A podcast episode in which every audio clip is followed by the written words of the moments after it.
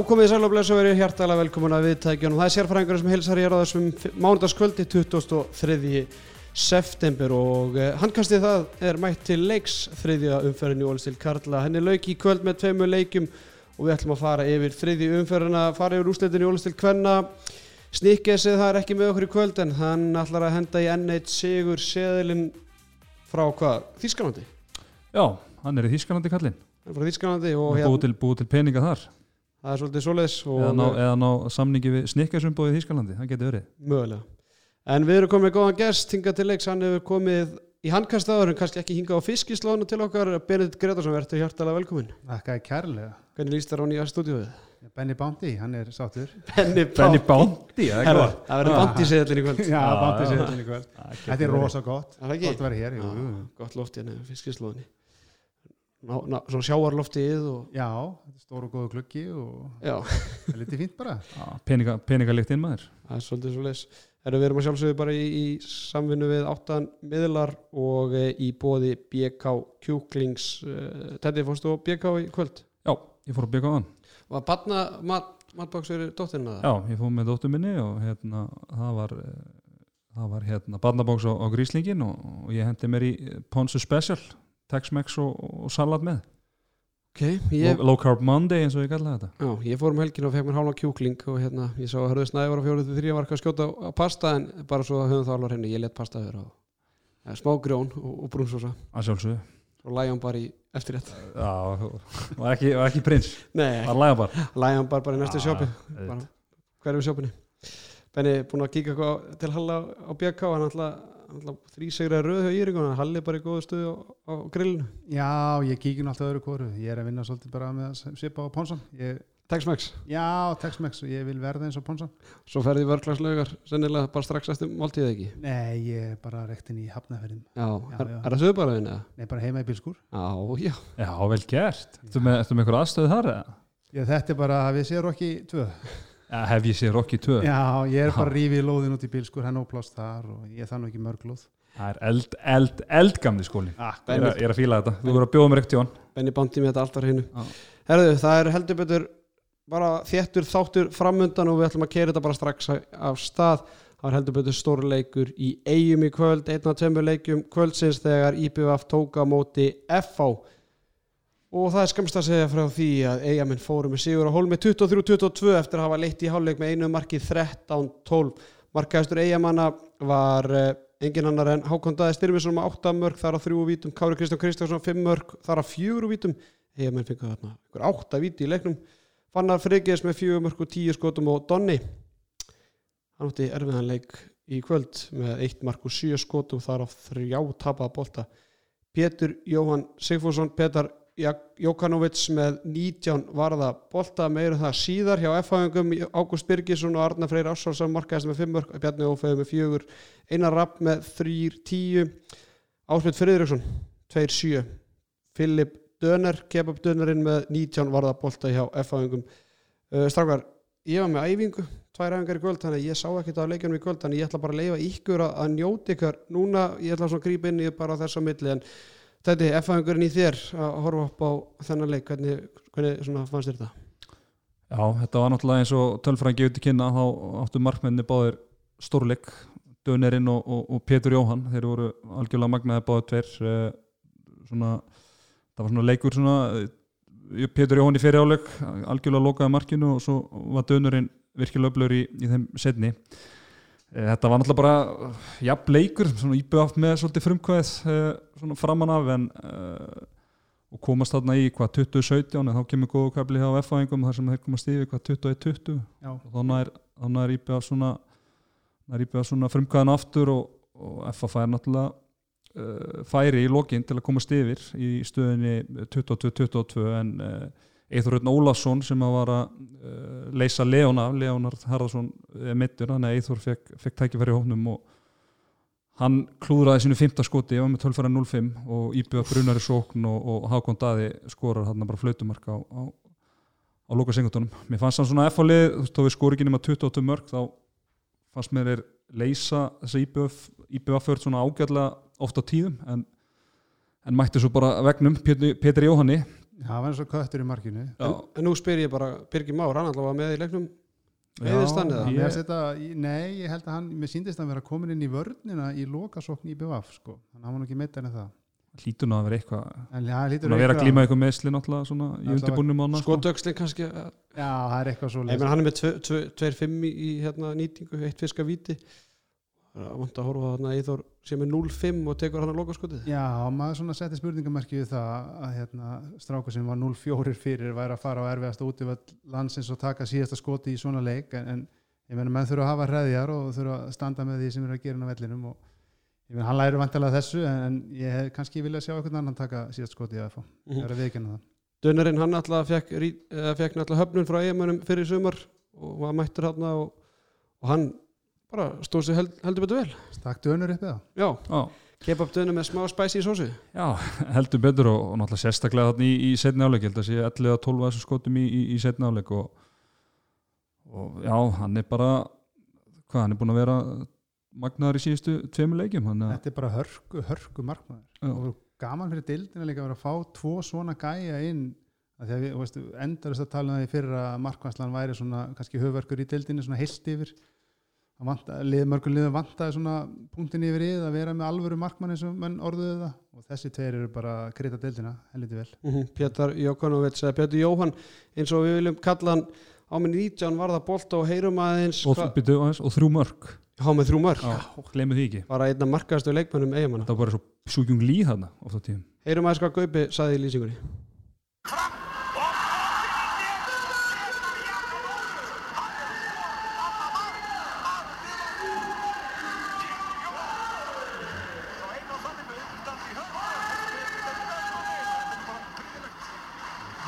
Pétur Jóhann Sigfússon. Ég veit ekki alveg hversu vel þetta heyrðist í útsendingunni svona, en, en þetta þú farið aðeins yfir þetta fyrir hlustendum. Þarna tala Gaupi um Pétur Jóhann.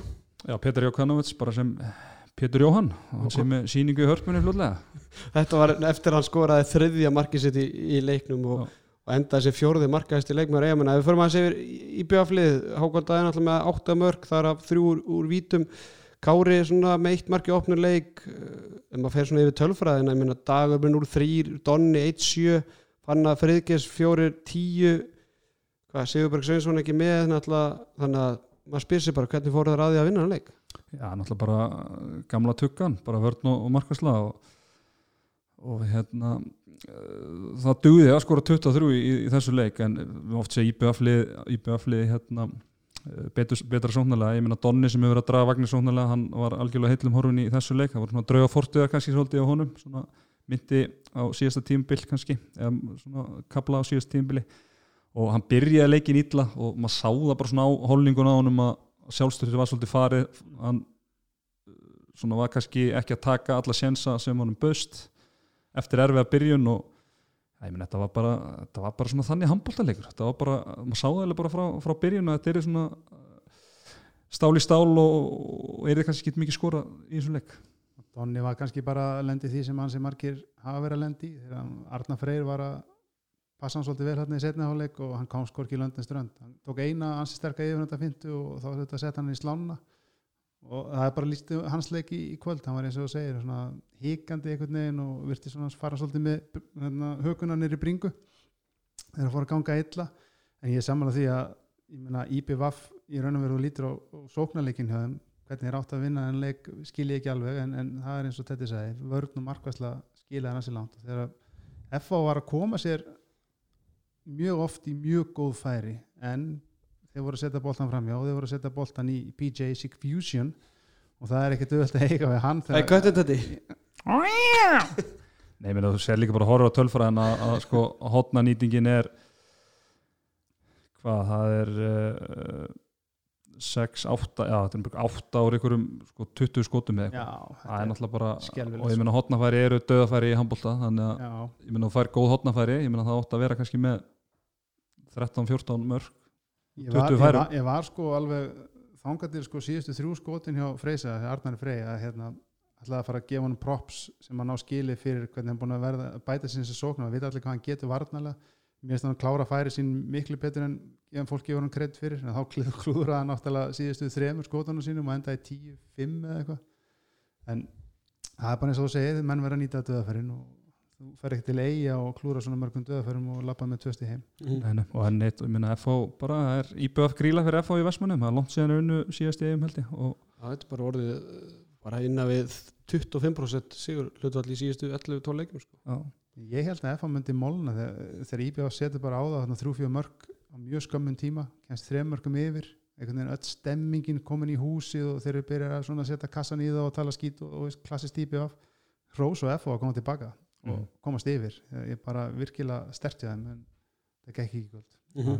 Eiga menn með fullt úr stiga fjögur lið með fullt úr stiga í Ólisteil Karla eiga menn eitt af þeim. F-fanga með eitt sigurleik í síðust, eða, fyrstu þreymur leikjunum. Ég mann það þegar ég satt þjálfarfund HSI fyrir sumafrí þegar að töfluröðin var, eða dreigði töfluröðin að náttúrulega fyrstu leikir F-fanga er náttúrulega eitt grín. Þeir náttúrulega fá selfessinga Íslandsmeistarinn í heimsókn í fyrsta leik fara svo, fá svo uh, vals, valsara í heimsókn mæta núna IBF í eigum uh, síðan eiga afturöldingu og eiga síðan hauka þetta er fyrstu fimm leikindir og Benni, ég veit að þú varst einn af þeir sem spáði F og dildamestara tillinum Já, það, ég, sko, ég átti nú alltaf vonað að þau myndu klára Selfoss og taka annarkvort val eða IBF. Ég átti vonað fjórum stugum á loknum þremur leikjum, ég verið að viðkynna það.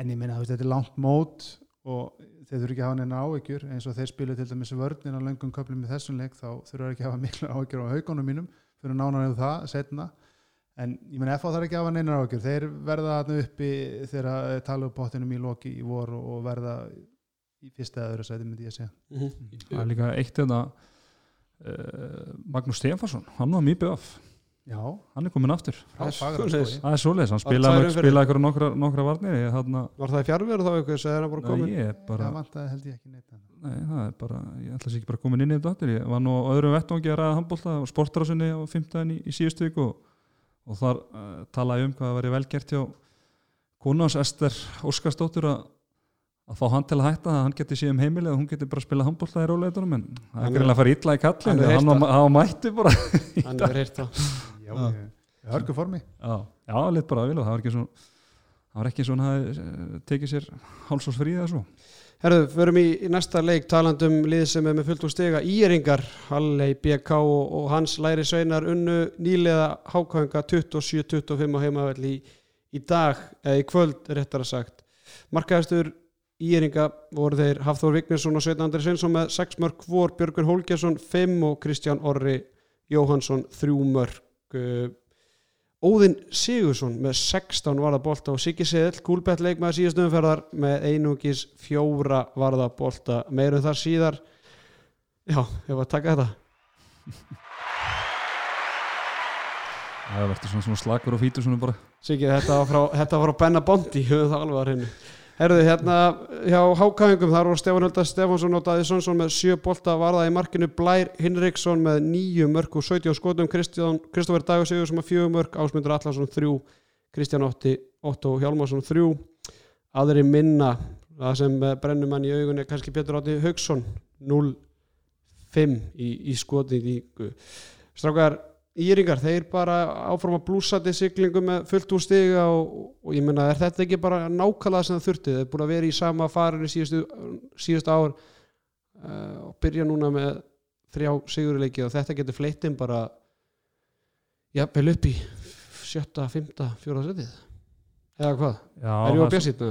Já, aldrei, aldrei að vita en þessi leiku var nú aðeins meira ströggl kannski en maður bjóst við fyrirfram. Já, þannig að maður sá hvernig, ég náttúrulega sá við fyrstu umfyrirna móti fjölni þar sem er algjörsanlega völdu yfir hinna nýleðana og maður svona held fyrirfram að þetta er aðeins er bara svona kannski að svona freka þægilegu sigur sérstaklega líka, ég ljósi þess að Háka var ekkert sérstætt í, í síðustu umferð en Háka gaði bara hörku leik og ég meni þetta var bara, bara mjög jæmt og Háka leiti þarna á, á kabla í í leiknum og hérna en bara velgert hjá, hjá Ír að að klára þetta og Óðin Sigursson kemur með frábæra einkomi það er hérna eh, Siggi Segill hann, hann var nú nokkur sinnum fekk nokkur sinnum peppi frá okkur í fyrra og, og núna í ár en hann verðist alltaf að vera lélugur í leiknum eftir að við peppum hann þannig að við skulum bara fara að hætta því. Nei, Nei, nei, svona. hann hefur kannski fengið sér aðeins og marga mountain, nei hérna monster orkudrykk í, í ger þú, varst, varst þú ekki að spila verið í fyrra? Nei, í ger Jú, ég var að spila við hann á Counter-Strike. Counter-Strike sko, já, ég var að snæpa kvikindið alveg hægra misti Nei, nei, ég sko ég var einmitt að velta þessi fyrir mér. Ég er hrifin að íliðinu búin að vera það, mér veist svona, svona einhver dýnamík í þeim og eitthvað svona rár kraftur. En þeir svona oft sjálfum sér vestir í ákvæmnatökum öðru. Og þá var ég að velta fyrir mér, já, seðlinn er komin stert að fá hann, hver er varamarkmaður þeirra, hvað gerist ef að Siggi stígur á seðlapunkt og snýsa á öklanum sko, en svo bara kemur óðun og ég var að viðkynna það, að ég veit lítið um hennar strák og tekur hvað 50% vörslu og er raun að vera maður leiksins í kvöld. Mhm. Þetta er strákur sem að að þetta er strákur sem að var almarkma hjá þeim þegar þeir voru í voru í grillinu. Þarna fyrir, fyrir einhverjum hvað, tveim árum, tveim, þreim árum síðan og fremur sennilega. Já, þreim árum síðan og svo náttúrulega kemur Adam hann, ungi upp og, og tekur svona varmarkmastöðuna á hann þannig að hann hefur verið svona þetta þriði þriði markmaður hjá þeim jafnvel í svona síðustu ár. Já, ég held að hann er hættur á tíðanbelum Já. komið svo bara aftur. En hann hefur heldur betur dott í, stuðarni hann er með, segja, 50% markvæslu 16 boltar, það er bara virkilega vel gert og svona kannski svona einna helst maðurinn á bakvið hann sigur hjá ír. Já, og kannski líka náttúrulega Hafþór Vignisson sem að eh, skora 6 mörgur og, skapar 6 færi þrjá stóðsendingar. Uh, hann náttúrulega hóf tímabili fyrra með miklum ágætum og það er greinælt að hann er að gera eitthvað rétt á sömurinn en hérna hann er með 6 mörgum meðatali í leik hann er með 6 mörg í hver minnasta leik núna fyrstu þreymur leikjun, hann er frábær byrjun í honum í er, maður svona vissi ekki alveg hvernig það er hann er búin að vera kannski í svona veikari liði búin að vera í bara grillinu og fyrsta tímabili fyrra með liði sem fellur kemur í betra lið núna og hann bara verður standa undir því. Virkilega vel gert hjá í er að krækja í þennan bita. Ég menna það voru allir að mjög utan í hann heyrði ég sko en hann velur að að gera það reyndir ekki ja, gróttu var ekki mjög utan er sælarnir búinir þar. En hérna ég menna eitthvað hefur Bjarnin á að selja honum framtíða sín, sína og félagsins og hann finnst spennandi að vera þarna og í er bara með lið sem að, sem að noti frasa. Þetta er svona lið sem enginn vill mæta þegar kemur úrslutakefninni og verða, þetta er bara stór hættur eitt lið og, og frábær byrjun á þeim. Við sjáum hvað te- setur náttúrulega, þetta er bara þrý leiki búnir. Þeir eiga að vinna háká heima. Hákangar með núlstig eftir fyrstu þrjá leikina auðvitað erfiðu leikur átti haugum í fyrstu umferðinni. Svo náttúrulega helviti hart að tapa heima allir mútið fjölinn í annar umferðinni fara svo í Östubergi í bara 50-50 leik. Og síðan er ekkit grín leikur í næstu umferð það er þegar selfisingarnir Íslandsmeistararnir koma í, nei þeir fara með þess að ásselfos í næstu umferð þannig að já, já.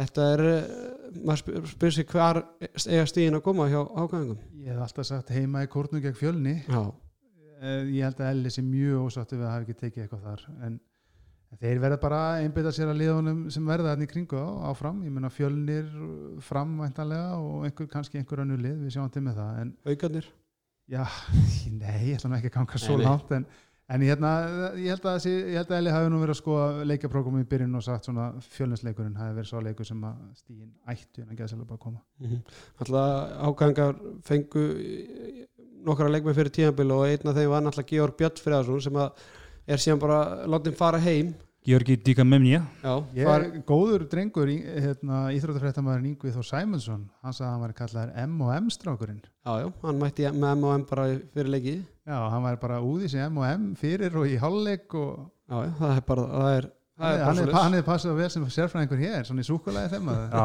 já, við erum ekki að dæma það hérna. Með snikkars og bánti og lægum bara, við veit ég hvað og hvað. En, en hérna, það sem ég ætla að halda áfram var með náttúrulega að Pétur Átni Hauksson hann tekur fram skóna þarna bara rétt fyrir móti og hann hefur heldur betur átt erfitt uppdráttar í fyrstu leikjunum og er með 0 mörk í 5 skotum í, í dag og tvo tapa bolta á móti sinum fyrrum félögum þannig að það er svona vond fyrir Elías Má að hafa eitt öll þeir semja frekar snemma við hann að gera ekki mann og bundu sennilega mikla vonir við hann. Þurfa síðan bara nokkur dög fyrir móta hendunum heim og, og fara að byggja allt upp á nýtt og, og Pétur kannski ekki í sínu besta svona handbóltaformi Nei, ég held að það ekki nú, Pétur, var hann eitthvað að æfa í sumar? Já, bara í Bara fótbolta fótbolta sko. Já, þetta tekur einhver tíma en, en hérna, já, svona synd að vera skáta einhverja atvinnum enn þannig að það fá svo bara einhverja pappakassa hérna, sem að gera M&M M&M M&M kassa. Og það er náttúrulega bara sveikandi fyrir háka þeir þurfa bara áfranga, eins og maður sagði heldur betur. Herðu, uh, já, bara í, í Háká á náttúrulega bara Selfoss í næsta leik og það verður erfitt að fara á, á Selfoss í þeim, þeim leik. Ekki verið hrósaðans hérna blæ samt, en við förum. Hann var svona, já, ég minna hann er að draga vagnir þarna nýju, mörkur 17, 17 skotur reyndar en ég held að uh, tölfræðin var betri hjá henni framan af og það var svona aðeins farin að lesa hann í, í, í, í lokin en ég meina, hann er bara algjör burðar á í þessu liði og mikið lápir lögð á herðar uh, ungs drengs. Þannig að hann er bara að gera þetta ágætlega strákurinn. Mhm. Herðu, við vindum okkur á ásvelli í DB Singurhöllina þar sem fór leikur fram leikur Hauka og stjórnunar Haukar unnu með þremur mörgum 23-20 heldur betur torsóttu sigur væga sagt voru fjórum mörgum undir í háleik 8-12 Steffen Nílsen með 20 varða bolta hjá, hjá stjórnunni Andri Þór Helgarsson markaðist með 5 mörg Leosnær Pétursson Andri Már Rúnarsson og Gunnar Valdimar Jónsson með fjögur mörg hver reynda þurfti Andri Már 10 sko til Gunnar Valdimar 13 og Leosnær 7 aðri minna. Já, haugum, haugum var uh, markahæstur Brynjólu Snær Brynjólfsson með 8 kvikindi og það allt í setnaflik heldur betur góð innkoma hjá Binna 25, Alli Már Bárusson læða með fjögum mörg Einar Pétur Pétursson kom sterkur inn fekk lóksins tækifæri í vinstra hotninu með þrjú mörgur þrjum skotum, Óla Ræði með þrjú mörgur öll og vítum og Tjörfi Þorgesson tvö mörgur, sex skotum, Adam Haugur Bamrúk 1 og 9 Gretar Ari Guðjónsson 15 mörg nei, var, það bolta. Benni, þú sást þennan leik og ég get alveg trúa því að þér leist ekkert alltaf vel á bleikuna í, í fyrirháleik Nei, það var bara eins og Gunni Magg hann fór ekkert í felur þegar tók viðtal við hann eftir leikin að sóknarleikur hauka var hörmulegur. Ok, við verðum auðvitað að gefa stjórnunni eitthvað rós fyrir þeirra varnarleik og, og Steffi Nílsson var og 20 Stefan Nílsson náttúrulega bara í stuði en ráða leysið og hvað voru hægir og fyrirsjáðanlega guðminn almáttur, ég hugsa á tímabili akkur prófar hann ekki eina sók, tvær sóknir 7 og 6, þú veist, það er ekkert að ganga. En þeim til rós og, þá koma það tilbaka og vinna setnaðalegi með sjö mörgum og verður ekki að gefa Brynjólu Snær Brynjólfsson í gott lag ég elska þetta. Hann var komið eitthvað fjögum mörg svo klikkar hann tveimur í, í röð þá svona ok, þetta var kannski held að byrja að bara klikka á einu skoti í þessu leik. Nei, hann klik- klikkað tveimur auð þetta já, Já. ok. Þá svona uff á þessu kapla ég mitt svona, ég tek bara orðið að ég sá nú, sá nú ekki mikið í þessu umferð ég sá þennan leik einna, einna, einna þremur leikunum og, og mér fannst haugarnir bara ekki ætla að geta unnið hann leik. Nei, ég meina- þegar þeir voru að klikka þá var stjarnar að klikka og stjarnar alltaf, ég meina, Leo Snær fær hann að hraðaplöp klikka dauða fær í kjölfarið haugarnir voru bara ekki að nýta það þegar stjarnar voru lélegir í setnafleik Nei. en svo bara í lokir þá náttúrulega kláraði þetta og það voru margir með pening á þessum leik og hérna fá að heyra einn aðila sem var með pening á þessu og syngur hérna haugalagið Ekki lengur lítill fugl, ekki lengur þetta rugl, hinnir fá að svitna í dag.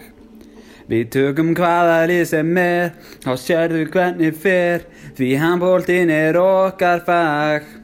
Við erum komni til að sigra, komni til að vera, dæmdir til að vera bestir. Þetta er náttúrulega, er líklega okkar vesti söngari Böðvar Lóðfóttu Böðvarsson Böðvar Böðarsson, Böði Löpp, Guðminn Almáttur ég er nú því miður þurft að heyra hann syngja nokkur sem við genum tíðina og það er ekki, ekki gott fyrir, fyrir eirun en, en, en þeir sem voru með pening á þessum leik þeir hljóta að hafa klaðast hann í, í lokin og, og það var ótrúlega að binni var ekki komið aðeins meiri peningin á bankabókinu sem eftir þessa framistöðu Já, já, menn það er bara millifært á hann bara, Já, bara thank you for your service bara. já, Já, hann kemur ríkalega sterkur inn. Dóri byrjar í, í hotnun og klikkar á tveimur skotum strax í fyrir áleik og Binni kemur hann inn bara og, og eiginlega, já, hann ljósið í myrkrinu eins og Gunnar Magnússon saði eftir leikin en haugarnir, ég meina, þeir eru rosa langt í land.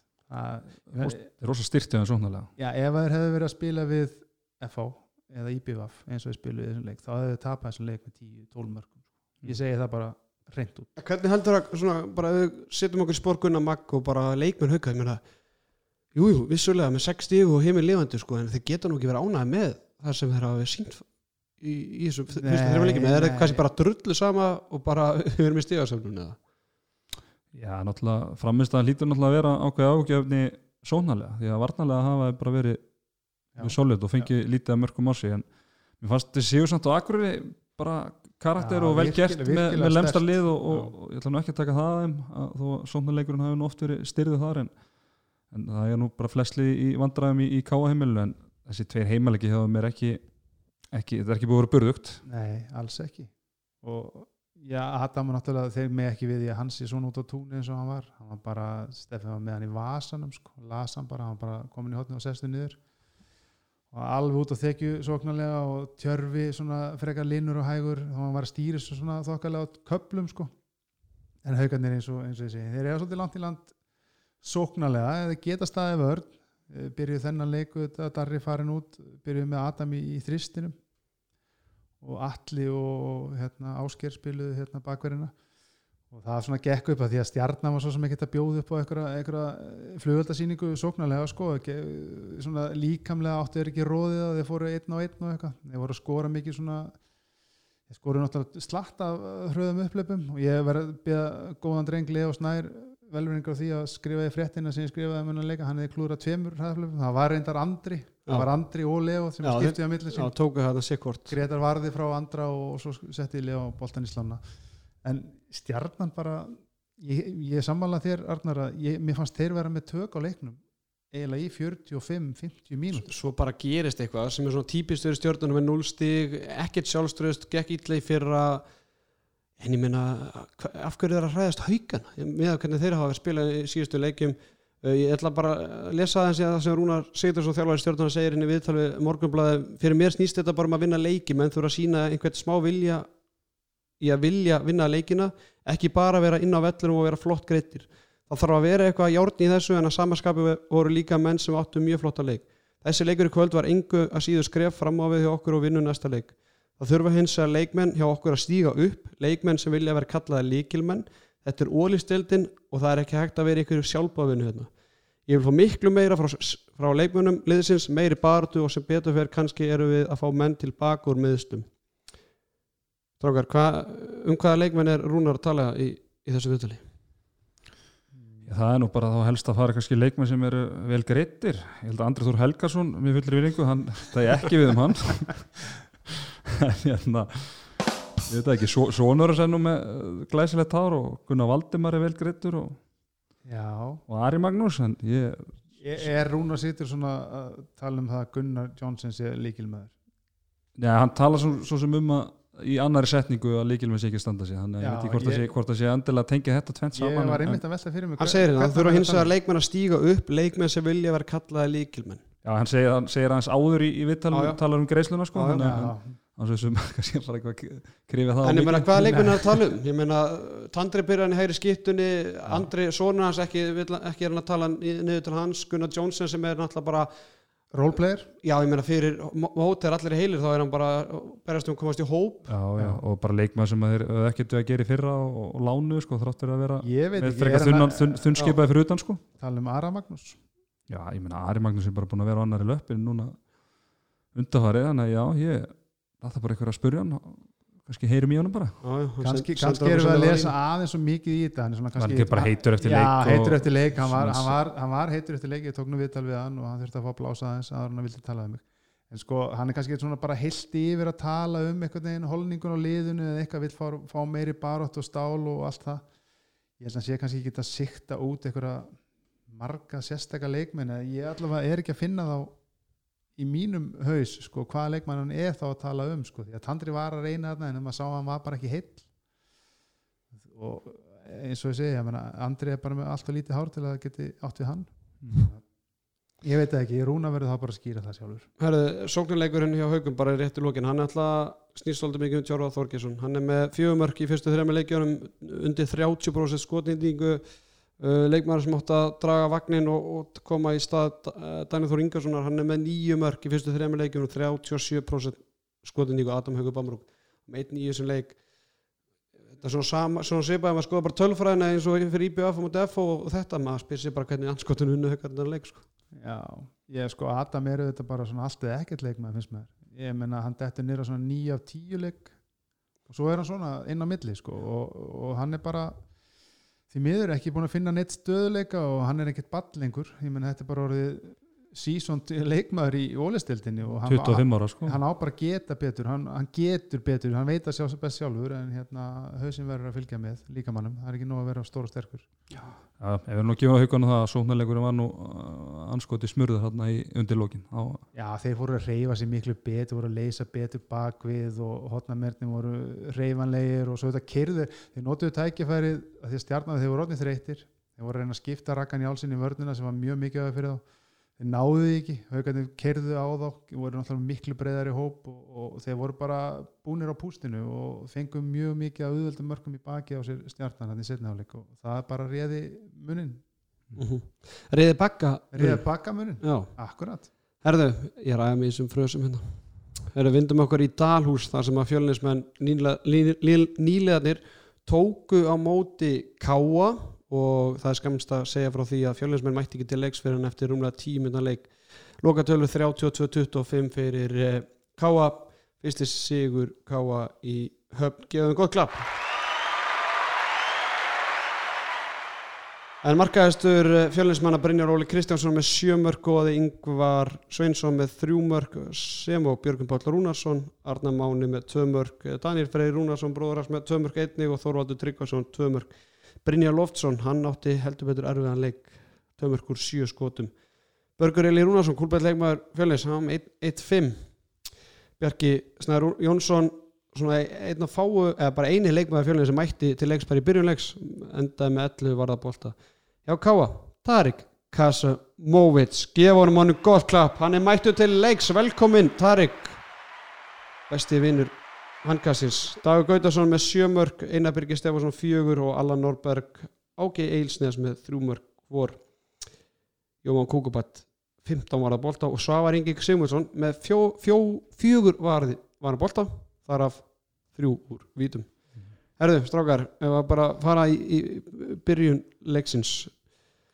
Já, það má eiginlega segja Þínu menn, þetta Já, það, hérna, ég kíkti nú í, í Dalhúsin og ég held að þjálfara teimi Káa hafi bara verið með upptöku þegar að, leik fjölnis og í er í fyrstu umferðinni því að þetta var bara sami leikurinn sem ég var að horfa uh, fjölnislið mætti til leiks og, og Káa liði bara mjög aggressíft bara, bara mjög vinnusamir og er að ná, ná að hérna, klukka þá og, og berja vel á þeim og, og þeir bara bakka undan því og þeir bara komast allir færi þarna í, í, í byrjun byrjun leiks og Káa keiri bara hraðan og, og, ná mjög fljótlega bara þetta 8-9 marka fórust í leiknum og þá náttúrulega bara, það laði bara grunninn að hans og sigri og svona kannski stiga aðeins að- bensingjöfinni eftir, eftir þann kabla og leikur svona kannski jafnvægi eftir það en þetta var fjölninsliðið þarf að finna ykkur, ykkur lausnir á að móti þessu því að ég held að Rúna Sigdriksson muni bara horfa á vídeo á þessu leik og, og reyna bara nákvæmlega það sama Mhm. svo verður að missa hvað Hafstein og, og, og breyka og breka í meðsli í sleiknum leytið þetta eitthvað illa út eða? meðspáður á, á ökla og skilist allan að breki geti ekki stíði fótinn í, í dag allavega en Þá notar það bara þrýfótinn hann notar bara þrýfótinn en, en góður. En uh, þegar þessi meðsli komu upp þá er leikurinn tapað sko, þannig að fjölusmi geta ekki kent því um og svo sem bara þetta rosa þessum ungu stráku sem að koma inn í staði þeir allavega svona náða lámarka skadan eins og, eins og maður getur kannski sagt. Hvernig fannst þetta Danni Matt í gáliðinu? Herru, hann var ekki mættur því að hann er, á, hann er einn af þessum two sports wonder eins og, eins og Richard þarna í, í Selfossi sem er, sem er líka, hefur verið í fótboltanu líka. Daniel Mattisson eins og, eins og flestir eh, sem að hafa séð hann bara á velli og í lífinu er í glæsilegu formi. Top physical shape því að hann er mjög góður í crossfit líka. Hann var að keppa á crossfit móti á kýpur um helgina. Yes, þannig að hann var ekki, hann, hann var ekki mættur til leiks. Já, hmm. Wow. stórt. Já, já, Hann, ég, hann er ekkert að tróða sér snikkast núna nei, eins og sömur, ha, ég held að hann hafi ekki búið kólvetni síðan bara, þú veist, 2013 eða eitthvað sko. Já, en það, það hérna Ha, Skiptir ekki máli. ein, Einar Birgi kom mjög vel inn í þetta. Mér fannst þetta fjölnisli það sem ég fjölnisli gera líka illa er að er að einangru ekki meira einn og einn á, á Einar Birgi því að Daði Jónsson er mjög upplöfur einn á einn, á einn en Einar Birgi stóð bara vördina vel og, og flottir í sókninni, fjögur mörg og fimm skotum þannig að þeir sögnu dann allan ekki í þessu leik. Uh, Brynjar Rólið, þú ert búin að reyfna honum. Kannski þú segir bara hlustandi hver er þessi drengur? Brynjar Óli, þetta er strákur sem að er fættur árið eh, 1999 held ég. Búin að vera svona, þetta er svona rólindi strengur, hann var hérna í, í fjölni þegar ég var fyrir, fyrir tveimur ára síðan og var svona svona á jæðrinum að vera í hóp á þeim tíma. Þá verður að vera eitthvað 18 ára hann er títur í dag en hann er vist búin að vera, hefur búin að vera mikil stígandi í honum segja mínu menn í grafinu mér og, og hann er bara búin að vera þeirra stöðasti leikmaður í, í vetur, kannski eini leikmaður sem eh, getur verið sáttum í sína framistöðu í öllum, öllum þreim leikjunum. Þannig að hann er bara farin að stíga en farin að spila bara stórt hlutverki í þessu liði sko. bara virkilega vel gert í honum. Mm. Uh, eins og ég sagði á hann, Tari Kasimovic markaðastu káamennum með 8 mörg reyndar þurftan 16 tilurinn til fyrsti sigur káa í leiknum og, og Benny þú getur nú ef þú trúið því nú ekki annað en að káamenn geta andað aðeins léttar og eru feiknir að, að fyrstu stíðin séu komin í hús.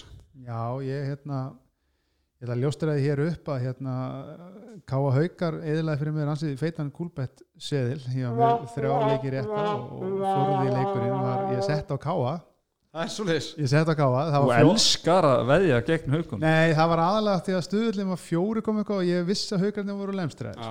gráður. Já, ég var ansið elska, ég, gráður. ég spennt að sjá hvernig í seðlum verður eftir sko. en sko, en Bounty var brosandi út af eirum samt að horfa á þetta Káa TV, ég hrósti þeirra, það er frábær útsendingi á þeim að sjá haugana, en mér finnst Káa bara, þeir eiga held ég bara að vinna fjölni. Þú lítur á bara Ó, já, já. stöðu fyrir stöðu, tala nú ekki um ef að fjölnir er að eiga off-leik, það ákáa bara að klára hann leik og, og ég meina haugarnir náða núlefæða hérna Dag og Tarik í sínuleik þeir voru bara, hvað er það með 15 mörg núna? Já. og meina ef þeir eru on og, og þeir ná bara svona þokkalegri markvæsli er ekki Jóhann með eitthvað 12-15 bolta? 15 held ég. Já, þá, þá bara, þú veist, þá er þetta bara no brainer þá er þetta bara með miklu betra lið en fjölni og eiga alltaf að vinna þá. að mínum mati, með fullri virðingu fyrir Kára og hans mönnum. Stjarn, og fjölnir í næsta leik. Já, það er áhugavert en ég ætla að kannski ára við tölum um það það er bara sömu, maður, mér er svo gaman að skoða þarna lögleg, stopp. Svona áhugaverð tölfræði og það var bara eins og með írleikin þá er ég held að þetta endi er eitthvað 33-13 eða eitthvað í, í löglegum stöðun það segir, segir sína sögu. Og hérna Svavar, það því að tala um að var í þrjú víti ekki nómi, þetta var okkur um 5 minúna kabla Já, já, hann bara það bara, ég bara, þegar hann var í þriðja víti þá leiti ég á klukkun og þá voru búin 7 minnur setnaflug, þetta í var, allt, var allt í nýrandri skefing í uppsiglingu. Já, það getur verið. Það eru eins og ég sagði í, næsta leik Káa fær ír, þetta er svona aðteglisvert ír engan náttúrulega á, á blúsandi siglingu. Káa heimavelli konu með sigur, þetta er einn af leikjana sem ég myndi ekkert veðja mikið á. Nei, Ég ætla að láta þennan alveg vera sko. Þetta fer ekki að bánti sér Nei, bántisérlin verður ekki þarna sko. Þetta er 1x2 hjá mér sko. Fjölnir Já, náttúrulega bara þarf sigur í þeim leik. Já og náttúrulega Óli Bjarki verður líklega komin í stjórnulið í næsta leik þannig að eins og fyrir fjölnislið þá ég held að þeir hefðu þá vilja mæta þeim þá í, í, núna í umfyrin sem var að klárast án, án Óla Bjarka en þannig að stjarnan ætti nú að klára það og ég tala nú ekki um ef að, að Breki Dagsson er ekki með og, og Hafsteinn Óli, hann ætla kannski muna meira, meira um Breka þá, þá eiga nú ekki mikið, mikið Breki þann leik en með Breka og Óla þá já já, þá getum við alveg mögulega að sé eitthvað uppsett en, en ef stjarnan vinnur ekki þennan leik þá, þá er þetta norðið ansi, ansi þungt. Þá held ég að verði þungt ljóð í okkar manni Rúnari. Ég get alveg ykkur þá það. fyrir að gaggrina fatastílinn á leikmönnum eða eitthvað það, Já, er, hann, hann- er allavega ekki hrættu við það að vaða í leikmenninu sína. Hann gerir þetta mikið í fyrra líka. Og hann byrjar þetta tíðanbyrð líka. Og hann lætur menn bara heyra ef hann er ósáttur og ég meina hann er þetta fyrir matunum maður og, og, er, og kemur úr hörðum þýskum skóla ekki segja það bara orðaða þannig. Líka norðan sko. Hann líka grótharður djöfull að norðan og þetta legend á ásöldin líka þannig að hann kann þetta. Herðu, vindum okkur í, í Mós og það sem afturölding og fram mættust. Afturölding eitt af liðanum sem var tablust fyrir tíðanbyluna og er tablust eftir sigur á móti fram í gerðkvöldi 25-23 markaðistur Mósfellinga með 7 mörg og 7 skotum Birkir Benediktsson Guðmundur Átni Ólafsson með 4 mörg og ásamt Tumastein Rúnarsinni Karoli Strópus með 3 mörg Þóstir Gauti Hjálmarsson fyrirleik með fram einni með þrjú mörg aðrir minna. Arnó Frey Stefansson með 13 varða bolta. Hjá fram Láru Selgi Ólafs með 10 varða bolta. Andri Heimi Freyrisson, hann er bara að koma fínt inn í þetta þrátt fyrir að fram að sig ennþá steguleg sem er 6 mörg og 12 skotum. Mattias Staðars og 5 mörg og 7 skotum. Þorgrymur Smári Ólafsson svo rétt mætti til leiks meira þar síðar 4 mörg og 8 skotum Arnar Snær Magnússon 3 mörg aðri minnast Siggi Sveðja með tvö mörgæðindar og, og það kom á ágætist tíabúndi en kannski spurning hvort að hann ætti að fara að spila meiri sók Stefán Darri kom líka ágættur inn, inn í þetta en skoraði reynda bara eitt mark. Uh, framarðir, þeir eru með eru tablösir leittu bara þennan leik. Eða bara án stiga bara, já, nú taplausir. Já, fyrir ekki, fyrir ekki, ekki búin að, ekki búin að vinna leik en þeir leittu nú bara lengi vel og, og ég get alveg ekki það að, að, að hérna, það voru líka einhverju með pening á þessu leik og þeir fögnuðu sannilega mikið í lokin þar sem þetta var nú síðasti leikur gerkvöldsins Já, já, ég held að framaröndin séu rosalega svektir að hafa ekki farið með eitthvað út af þessu leik. Eh, þeir svona ná frumkvæðinu hann í, í svona um miðbygg setni áleiksins og komast í hvað 2016 þegar eitthvað 15 mínútur eftir.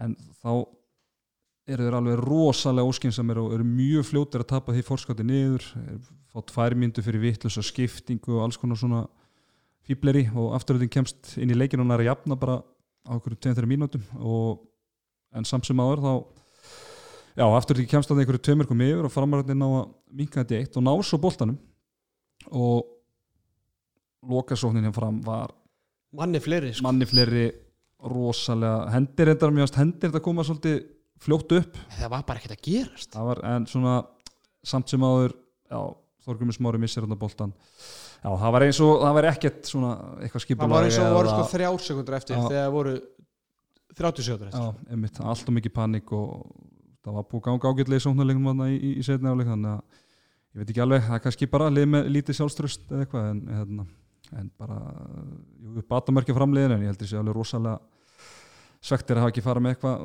út úr þessu leik sko. mm -hmm. uh, ég náttúrulega horfði, horfði bæði á, á hauka stjarnan og afturleik fram svona, svipað sama sagan í báða leikjunum ég fór að hugsa hérna, það hafi nú verið voðalega lítið um óvænt úslit hingað til í úlistildinni við getum skráð í er úti pakka selfossin Já. saman, það er kannski Mhm. pínu óvænt sko það er eiginlega bara ég einu. er sammála Já, þetta og ég svona- kannski selfos í kriganum kannski á samanskapi já, Já, samt svona, bara svona já. 50-50 leikur ég er að segja það er ekkert svona uppsett eitthvað nei, nei, nei, ekkert, nema bara í er sko. Og þessu uppsett úrslit svona eiga oft til að koma í fyrstu umferðinu með mitt sko. þannig að spurði hvort að munurinn á milli liðana er bara svona.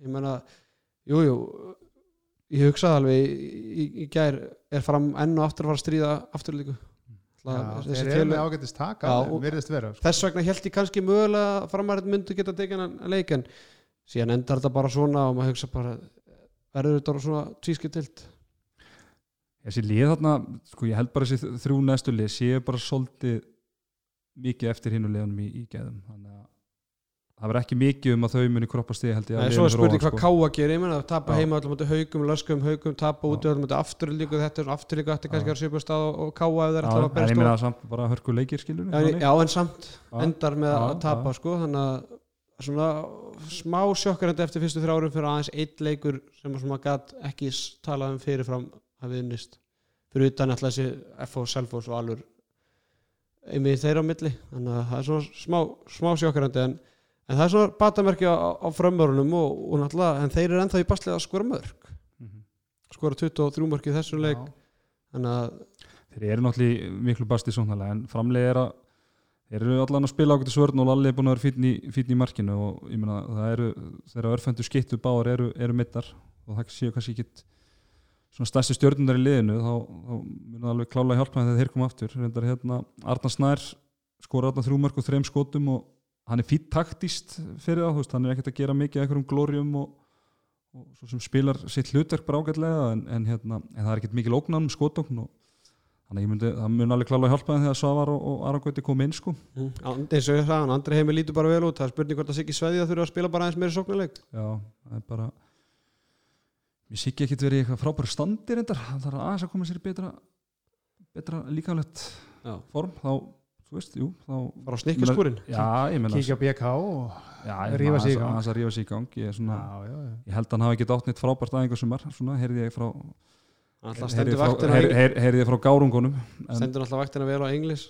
allar helgar það er kannski fer ekki, fer ekki vel en, en ég minna hann það bara, ef hann kemur sér í svona aðeins betra form þá náttúrulega getur alveg verið á sín degi hörku skitta sko, þannig að það er ekki mikil þarna fyrir utan svo sem, þannig að, það mun alveg, alveg hjálpa þeim ef, að- ef við ná að draga hann almennilega á flott sko. ég held að framararnir verði ekki ekki í grillinu á næsta ári. Ég segi það bara hér og nú í, í september. Þannig að þú ert að spá háká á fjölni þá falli? Ef framfellur ekki þá geti ég giska á hvaða tvölið ég held Já. að falli. Á ég, ég, þetta er svolítið svona premature ejaculation hjá mér í, hérna, í september að segja þetta. Ég bara, ég held að fram verði ekki eins ótrúlega miklu vandur að menn halda framarnir þeir eiga að fá hauka í heimsókn næst. Já, það verður áhugaverður leik síðan, síðan fara þær í, í gráfóin Já, það verður, ég, ég myndi segja ef, ef að Kúlbett býður upp á eitthvað svona markastuðul eh, að fara undir í einhverjum, einhverjum svona total goals þar. Eða það, kæri hlustundur að lína verður eitthvað sko lína verður 40 mörg þar eða eitthvað. Það er eitthvað, það er eitthvað djók sko. Já, sáleikur finnst ekki og það verður ekki 30 tímar skor annar liði skor ekki 30 tímar Eitthvað meira, 25 held ég. meira þetta að segja Náttúrulega Birgir Ben náttúrulega bara frábæra leik með 7 og 7 skotum. Það er að frétta þar, hann er bara óstuðandi Það síðast að tíma á Íslandi eða? já sko fer Hann er svolítið, að eftir, heilsuna á hann nokkulega, já hann bara nær að haldast heill og þá er þetta gæði sem á náttúrulega sjálfsögða að fara í aðurum mennskuna sko. En já ég meina hann er að koma mér svolítið hvað hann er að koma rosalega sterkur þegar hann er búin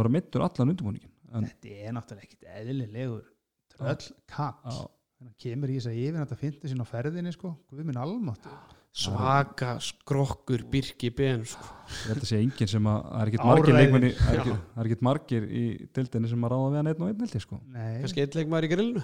Það er hugsanlega Daniel Já. Mattiasson já, Crossvitarinn crossfitarinn sem geti, geti átt í eruleikum yfir þetta fyndina já, samt svona, já, það er samt alveg svolítið kílómunur á þeim sko.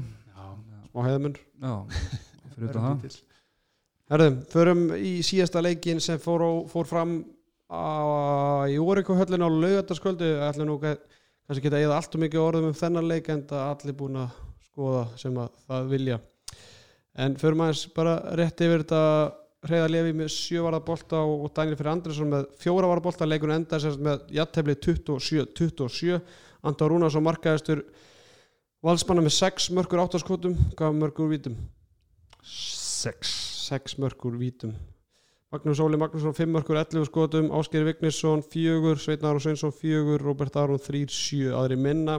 Hjá selfinsingum Einar Baldvin á lónu frá Val með 12 varða bolta Haugur Þrastarsson 9 mörkur 16 skotum Átni Steit Steinþórsson 4 mörk Alli Ævar 3 Guðningasson 3 þeir skipti hálfleikur á milli sín og Alexander Már- Vegan 3 mörkur 4 skotum Magnús Ötter 2 mörk og Herger Grímsson einnig 2 mörk báður með 4 skot Háspenna lífsætta á, æ, í Vals heimilinu gaflaskipt með indæmum en uh, að lokum fóður þetta þannig að liðin skipti stigunum bróðulega á milli sín. Ekki átti ég vona þessu þegar Vala var komin 5-6 markum yfir. Ég verð að viðkjanna það. Ég sá ekki spilunum og Selfoss kemur tilbaka þeir eiga það nú til reyndar Þeir, jú, reyndar. Það, það var sko, þá var Patrikur að þjálfa og Elvar í liðinu, en, en svona bara auðvitað mikið hrós og Selfoss að koma tilbaka og komast yfir leiknum, að ég, mér fannst Valur vera með á í vasanum lengi vel. Og Snorri, ég held að Snorri sem töluvert ósáttur en, en hérna Grímur.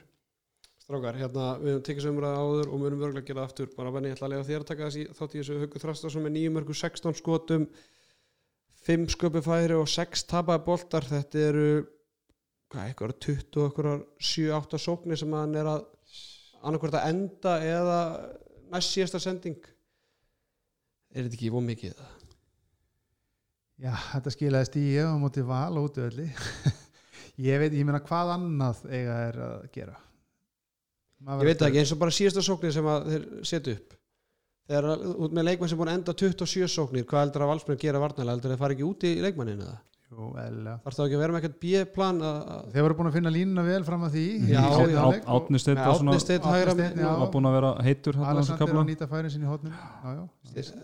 þeir, hann, er ekki, hann er ekki að koma upp í sko, þetta er ekki selfhúsliði fyrir fjórum árum sko. hann er.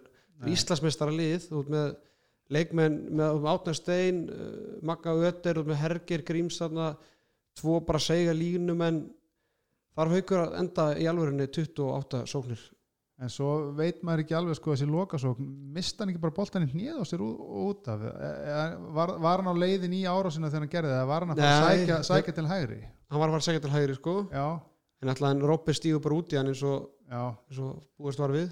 Ég er sem velta fyrir mig hvort að hann hafi endilega alltaf að taka síðasta skotið eða koma boltanum í ykkur stimplinir í hotnið eða hvað það var. ég held að hann hefði bara átt að fara árás og, og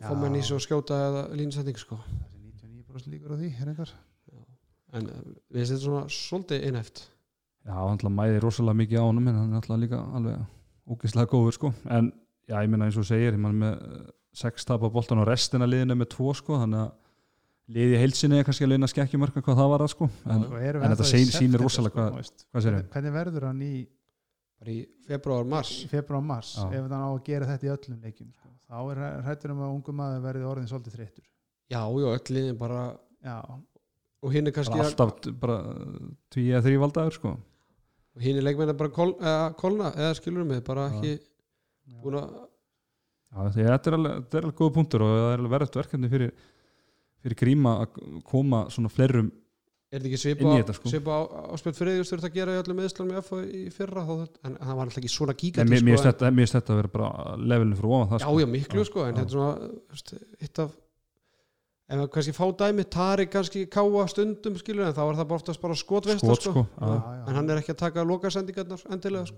já, það er bara allt það er að velja og, og, og skjóta það er alveg sem að hver er niður dreipi sko. það er að hauka þrasta svona Já, já, það er svona að þú ert með eitt besta leikmann heims í sínum aldurshólki í liðin hjá þér og viltu treysta svolítið á hann Uh, Snorri Steinn hann talar svolítið mikið um skotindíkuna hjá sínu liði í fyrstu þreymur leikjunum hefur óanað með skotindíkuna eins og segið, hvað, það voru fimm mörgum yfir hérna og það var ekkert sem hendur þess að var að koma yfir, mér varst bara hergir til dæmis bara með lí, lítil svör í leiklögunum Já, Kannski- Grímur. Grímur. já, Grímur Hergis segi, kannski með bara fá fá lausnir, kannski koma svona Já. ábyrðinni bara svolítið á leikmennina Já, það er svona stakk með aðteglisar leiklega í lokin það sem að hann eiginlega bara svolítið það var ekki taktísk uppleg það var bara, bara stráka vatnið og rífa ykkur í gang sko.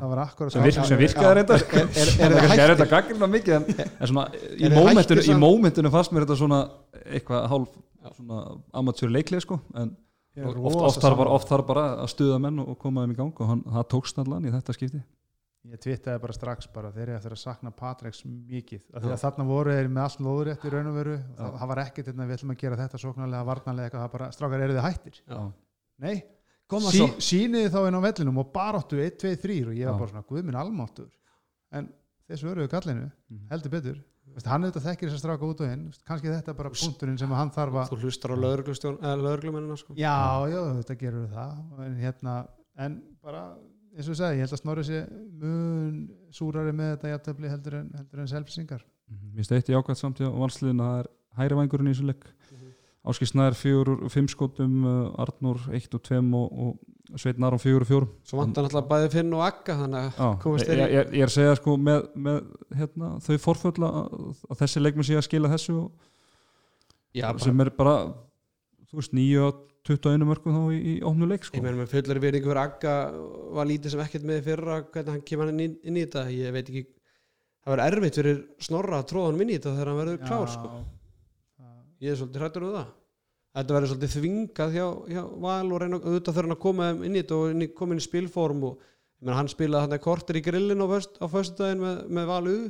Þannig að hann er eitthvað komin á parketti þannig að það er bara spurning á hvaða mómenti á hann að tróða hann inn og, og hvað, hver á það þetta út að er það að fara að henda áskera það út eða Arnur Snæ? Það er allan að samt svona jákvætt að þeir eru þá allan að, að spila þetta vel þannig að þannig að hann getur svona mjalla honum inn í þetta svona hægt og rólega og þarf kannski ekki að henda honum alveg beint inn í þetta því að þetta voru náttúrulega mjög erfi náttúrulega brjósklós, það er ekkert grín sérfræðingu og þekki það. Þannig að, hérna, þannig að ég held að hann bara vilja ekki sér búin að vera í bolta kannski í góðan mánuðu eitthvað og sér bara komin í almennilegt stand og almennilega rithma svona áður að fyrir kannski að nota hann eitthvað mikið. Ég held að hann verði bara orðin Agnar Smári eins og við þekkjum hann í Final Four. Já, ég, ég, höllinni og þá er Rýmir komin inn á línuna og ég segi það líka hér í september. Orri. Orri, ég horfi fyrir ekki Já, Orri, menna, Orri. Mag- Maggi mættur þannig að það hlýtur að stýttast í ára Já, ég, ég held að, held að hérna, svona í janúar þá farið að kýtla þess í þann, þann ágæta mann. Herðu, við lofuðum, eh, ég held að við höfum ekkert fleiri orðin þetta, bara jattefli í hörkuleik og laugardaskvöldi léleg mæting, frábær mæting selfisinga, en léleg mæting valsara.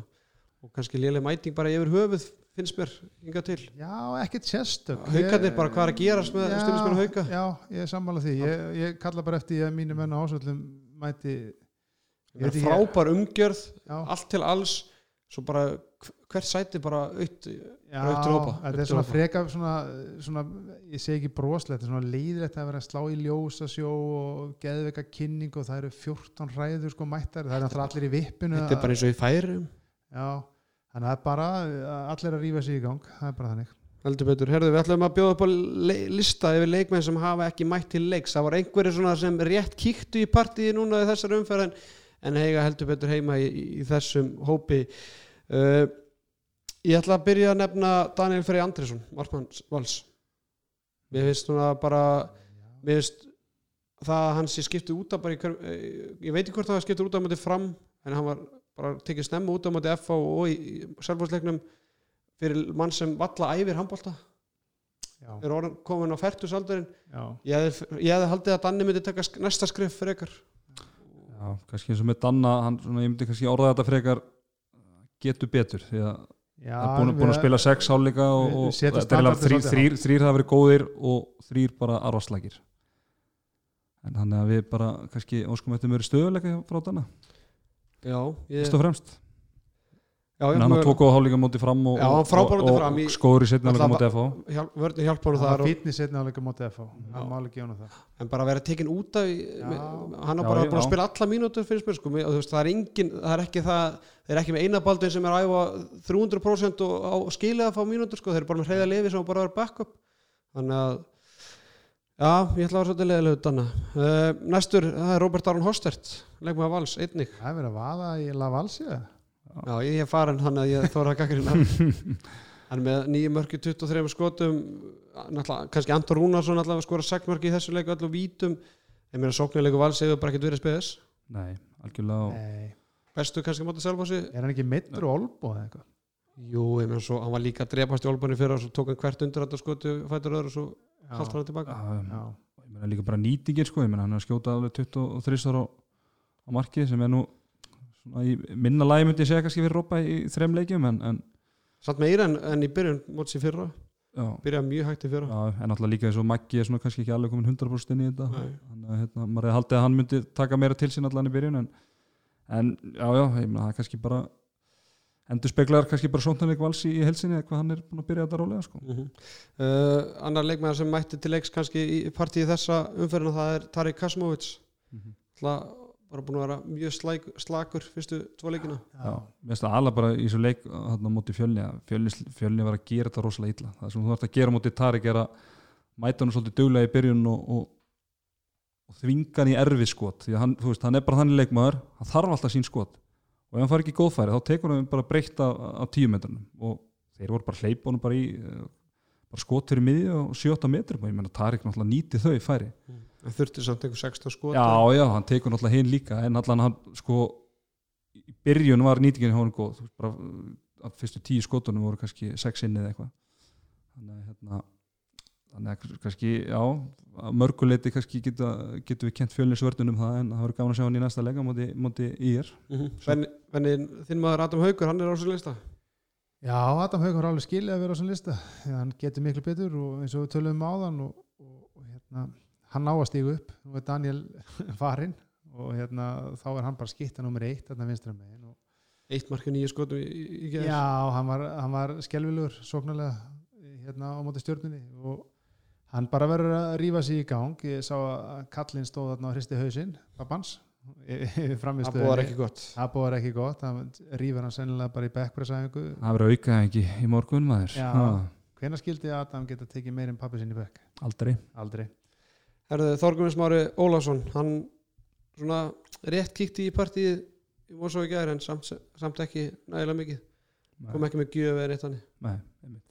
Já, hann svona hann ekki alveg hlaðin í uppæði móts Nei, nú fær hann rauðspjaldi fyrir áleikum móti IBF og en jú, jú, það er það er kannski framfara velun í, í þessarum ferð ég menna, Tarik, Tarik tók já, Tarik og hann ég menna, Já. tók, tóki fór úr fjórum mörgum í, í eða úr tveimu mörgum í, í heldina og setti, setti fjögur í þessum þannig að hann er svona vonandi, vonandi að upplega en, en við erum svo sem nefnt áður að hann þarf eiginlega að vera bara með bara með þetta hvað 6 til bara 10 mörki leik sko. Fyrir, fyrir þetta framlið. Já, samanlega því. Uh, síðan er það tveir stjórnumenn það eru Tandri Konrásson og Ari Magnús Þorgesson Já, Tandir er náttúrulega verið í miklu brasi sóknarlega, hann nátt kannski það alveg, bæti Óla Bjarka hann er bókstæðlega ekki mættileg já, hann er ekki mættilegs.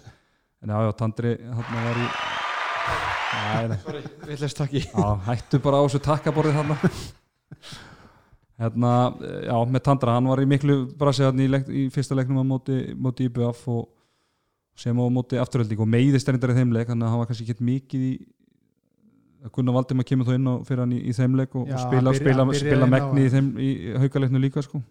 Já. En hinn, hinn leikmaður sem þið nefndu, hvað var það, Tandri og Ari Magnús. Ari Magnús, já, ég veit ekki alveg eh, er hann alveg heill eða Nei, mér skilst nú en sko bara þegar þú ert nógu heilt til að spila Já, ég er reynda að Já. sammála því ef þú ert bara, þú veist, á skýslinni Já. verður það bara klár þegar kall ekki það er bara ekkert að frétta sko. Nei. kottu með eitthvað á borðinu eða bara vertu, vertu, þó- eða vertu bara í endurhæðing og kottu bara sterkur eftir mánu sko. Já, Sí- sí. óskum þetta standard Já, standard snakk Doritos Það eru síðasti leikmann á lista Það er uh, Pétur Átni Haugsson Svona ósækjart kannski En við erum bara ekkert alltaf sækjarnir Nei, hann er ekki, hann er ekki að finna netið neitt rosalega vel í uppaði mót sem Pétur. Það er alveg ótt að segja það, var hann ekki 1-5 á móti haugum, 0-5 í kvöld? Já. Ég veit ekki hvernig hann var í, í öðrum leiknum. Hann var ágætur. Þokkalögur hann á móti fjölni ég veit Já, að, já, já. en hann verður bara að stígu upp hann er að sýnta að hann getur þetta. Hann það er rétt fyrir háka þeir eiga náttúrulega ekkit nefnum bara réttundar leikmenn til að leysa hann af sko. að- þannig að það er náttúrulega mikil mikil, mikil ábyrð á hans herðum en ég held að þetta hafi verið svona kannski, veist, ég held að alveg þannig sé gert ráð fyrir að þyrti að tækja smá tíma að komast alveg inn í þetta og, og svona yfir, ef við horfum á sísoni í heilsinni þá mun Pétur Átni gera tölvert mikið meira fyrir þetta hákalið en, en Georg Björn hefði, hefði gert sko. Já, ég held að Georg Bjarnfræðarsson og Pétur Átni sé ekki, ekki, ekki sangjætt að bera þá saman sko, en já, já, ég meina Pétur á eftir að, eftir að koma til eins og ég segi, hann er búin að sína að hann getur þetta en, við viljum að mæti til leiks strax í næsta leik. Herðu, förum aðeins í Ólasæl Kvenna þar sem önnur umferðin fór fram um helgina. Framstelpunar það er rótbustuðu eigastelpu 32-17 HK stelpur þær fór illa með Átna Stefán okkar mann 27-22 sigur í kórnum.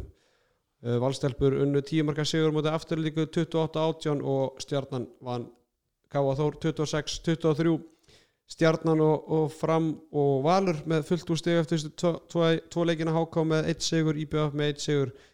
En haukar Káa Þór afturling á botni dildarinnar með 0 stig.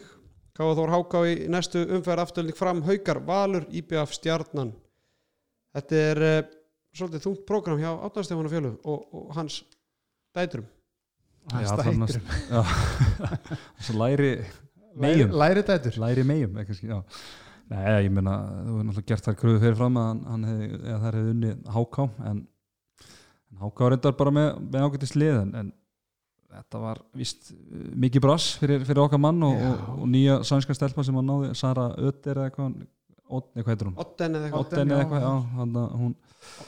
ég held að hún náði einni eða tveim æfingum og hún var í miklu basli og með eitthvað eitt mark og nýju skotum með eitthvað en ég er bara svona Adam Haugum stæð já, hún tók bara Adam Hauka á þetta og, en þegar hún kemur betur inn í þetta þá, þá vonandi fer þetta, fer þetta malla hjá, hjá okkar manni Herðu, uh, stöðlarnir þeir eru mættir á Coolbet uh, bestu viðmála síðu í heimi fyrir næstu umferð sem fer fram 27. september 28. 29. og 30. september það eru, það fer á fjóra daga er þetta ekki strax á föstudaginn eða? Já, það er stjarnafjölnir á, á föstaskvöldi Já, svo er lögadaginn, svo einn á sunnudag og, og tveir á mánudag og við verðum mættir hérna mánudagskvöldi eftir viku.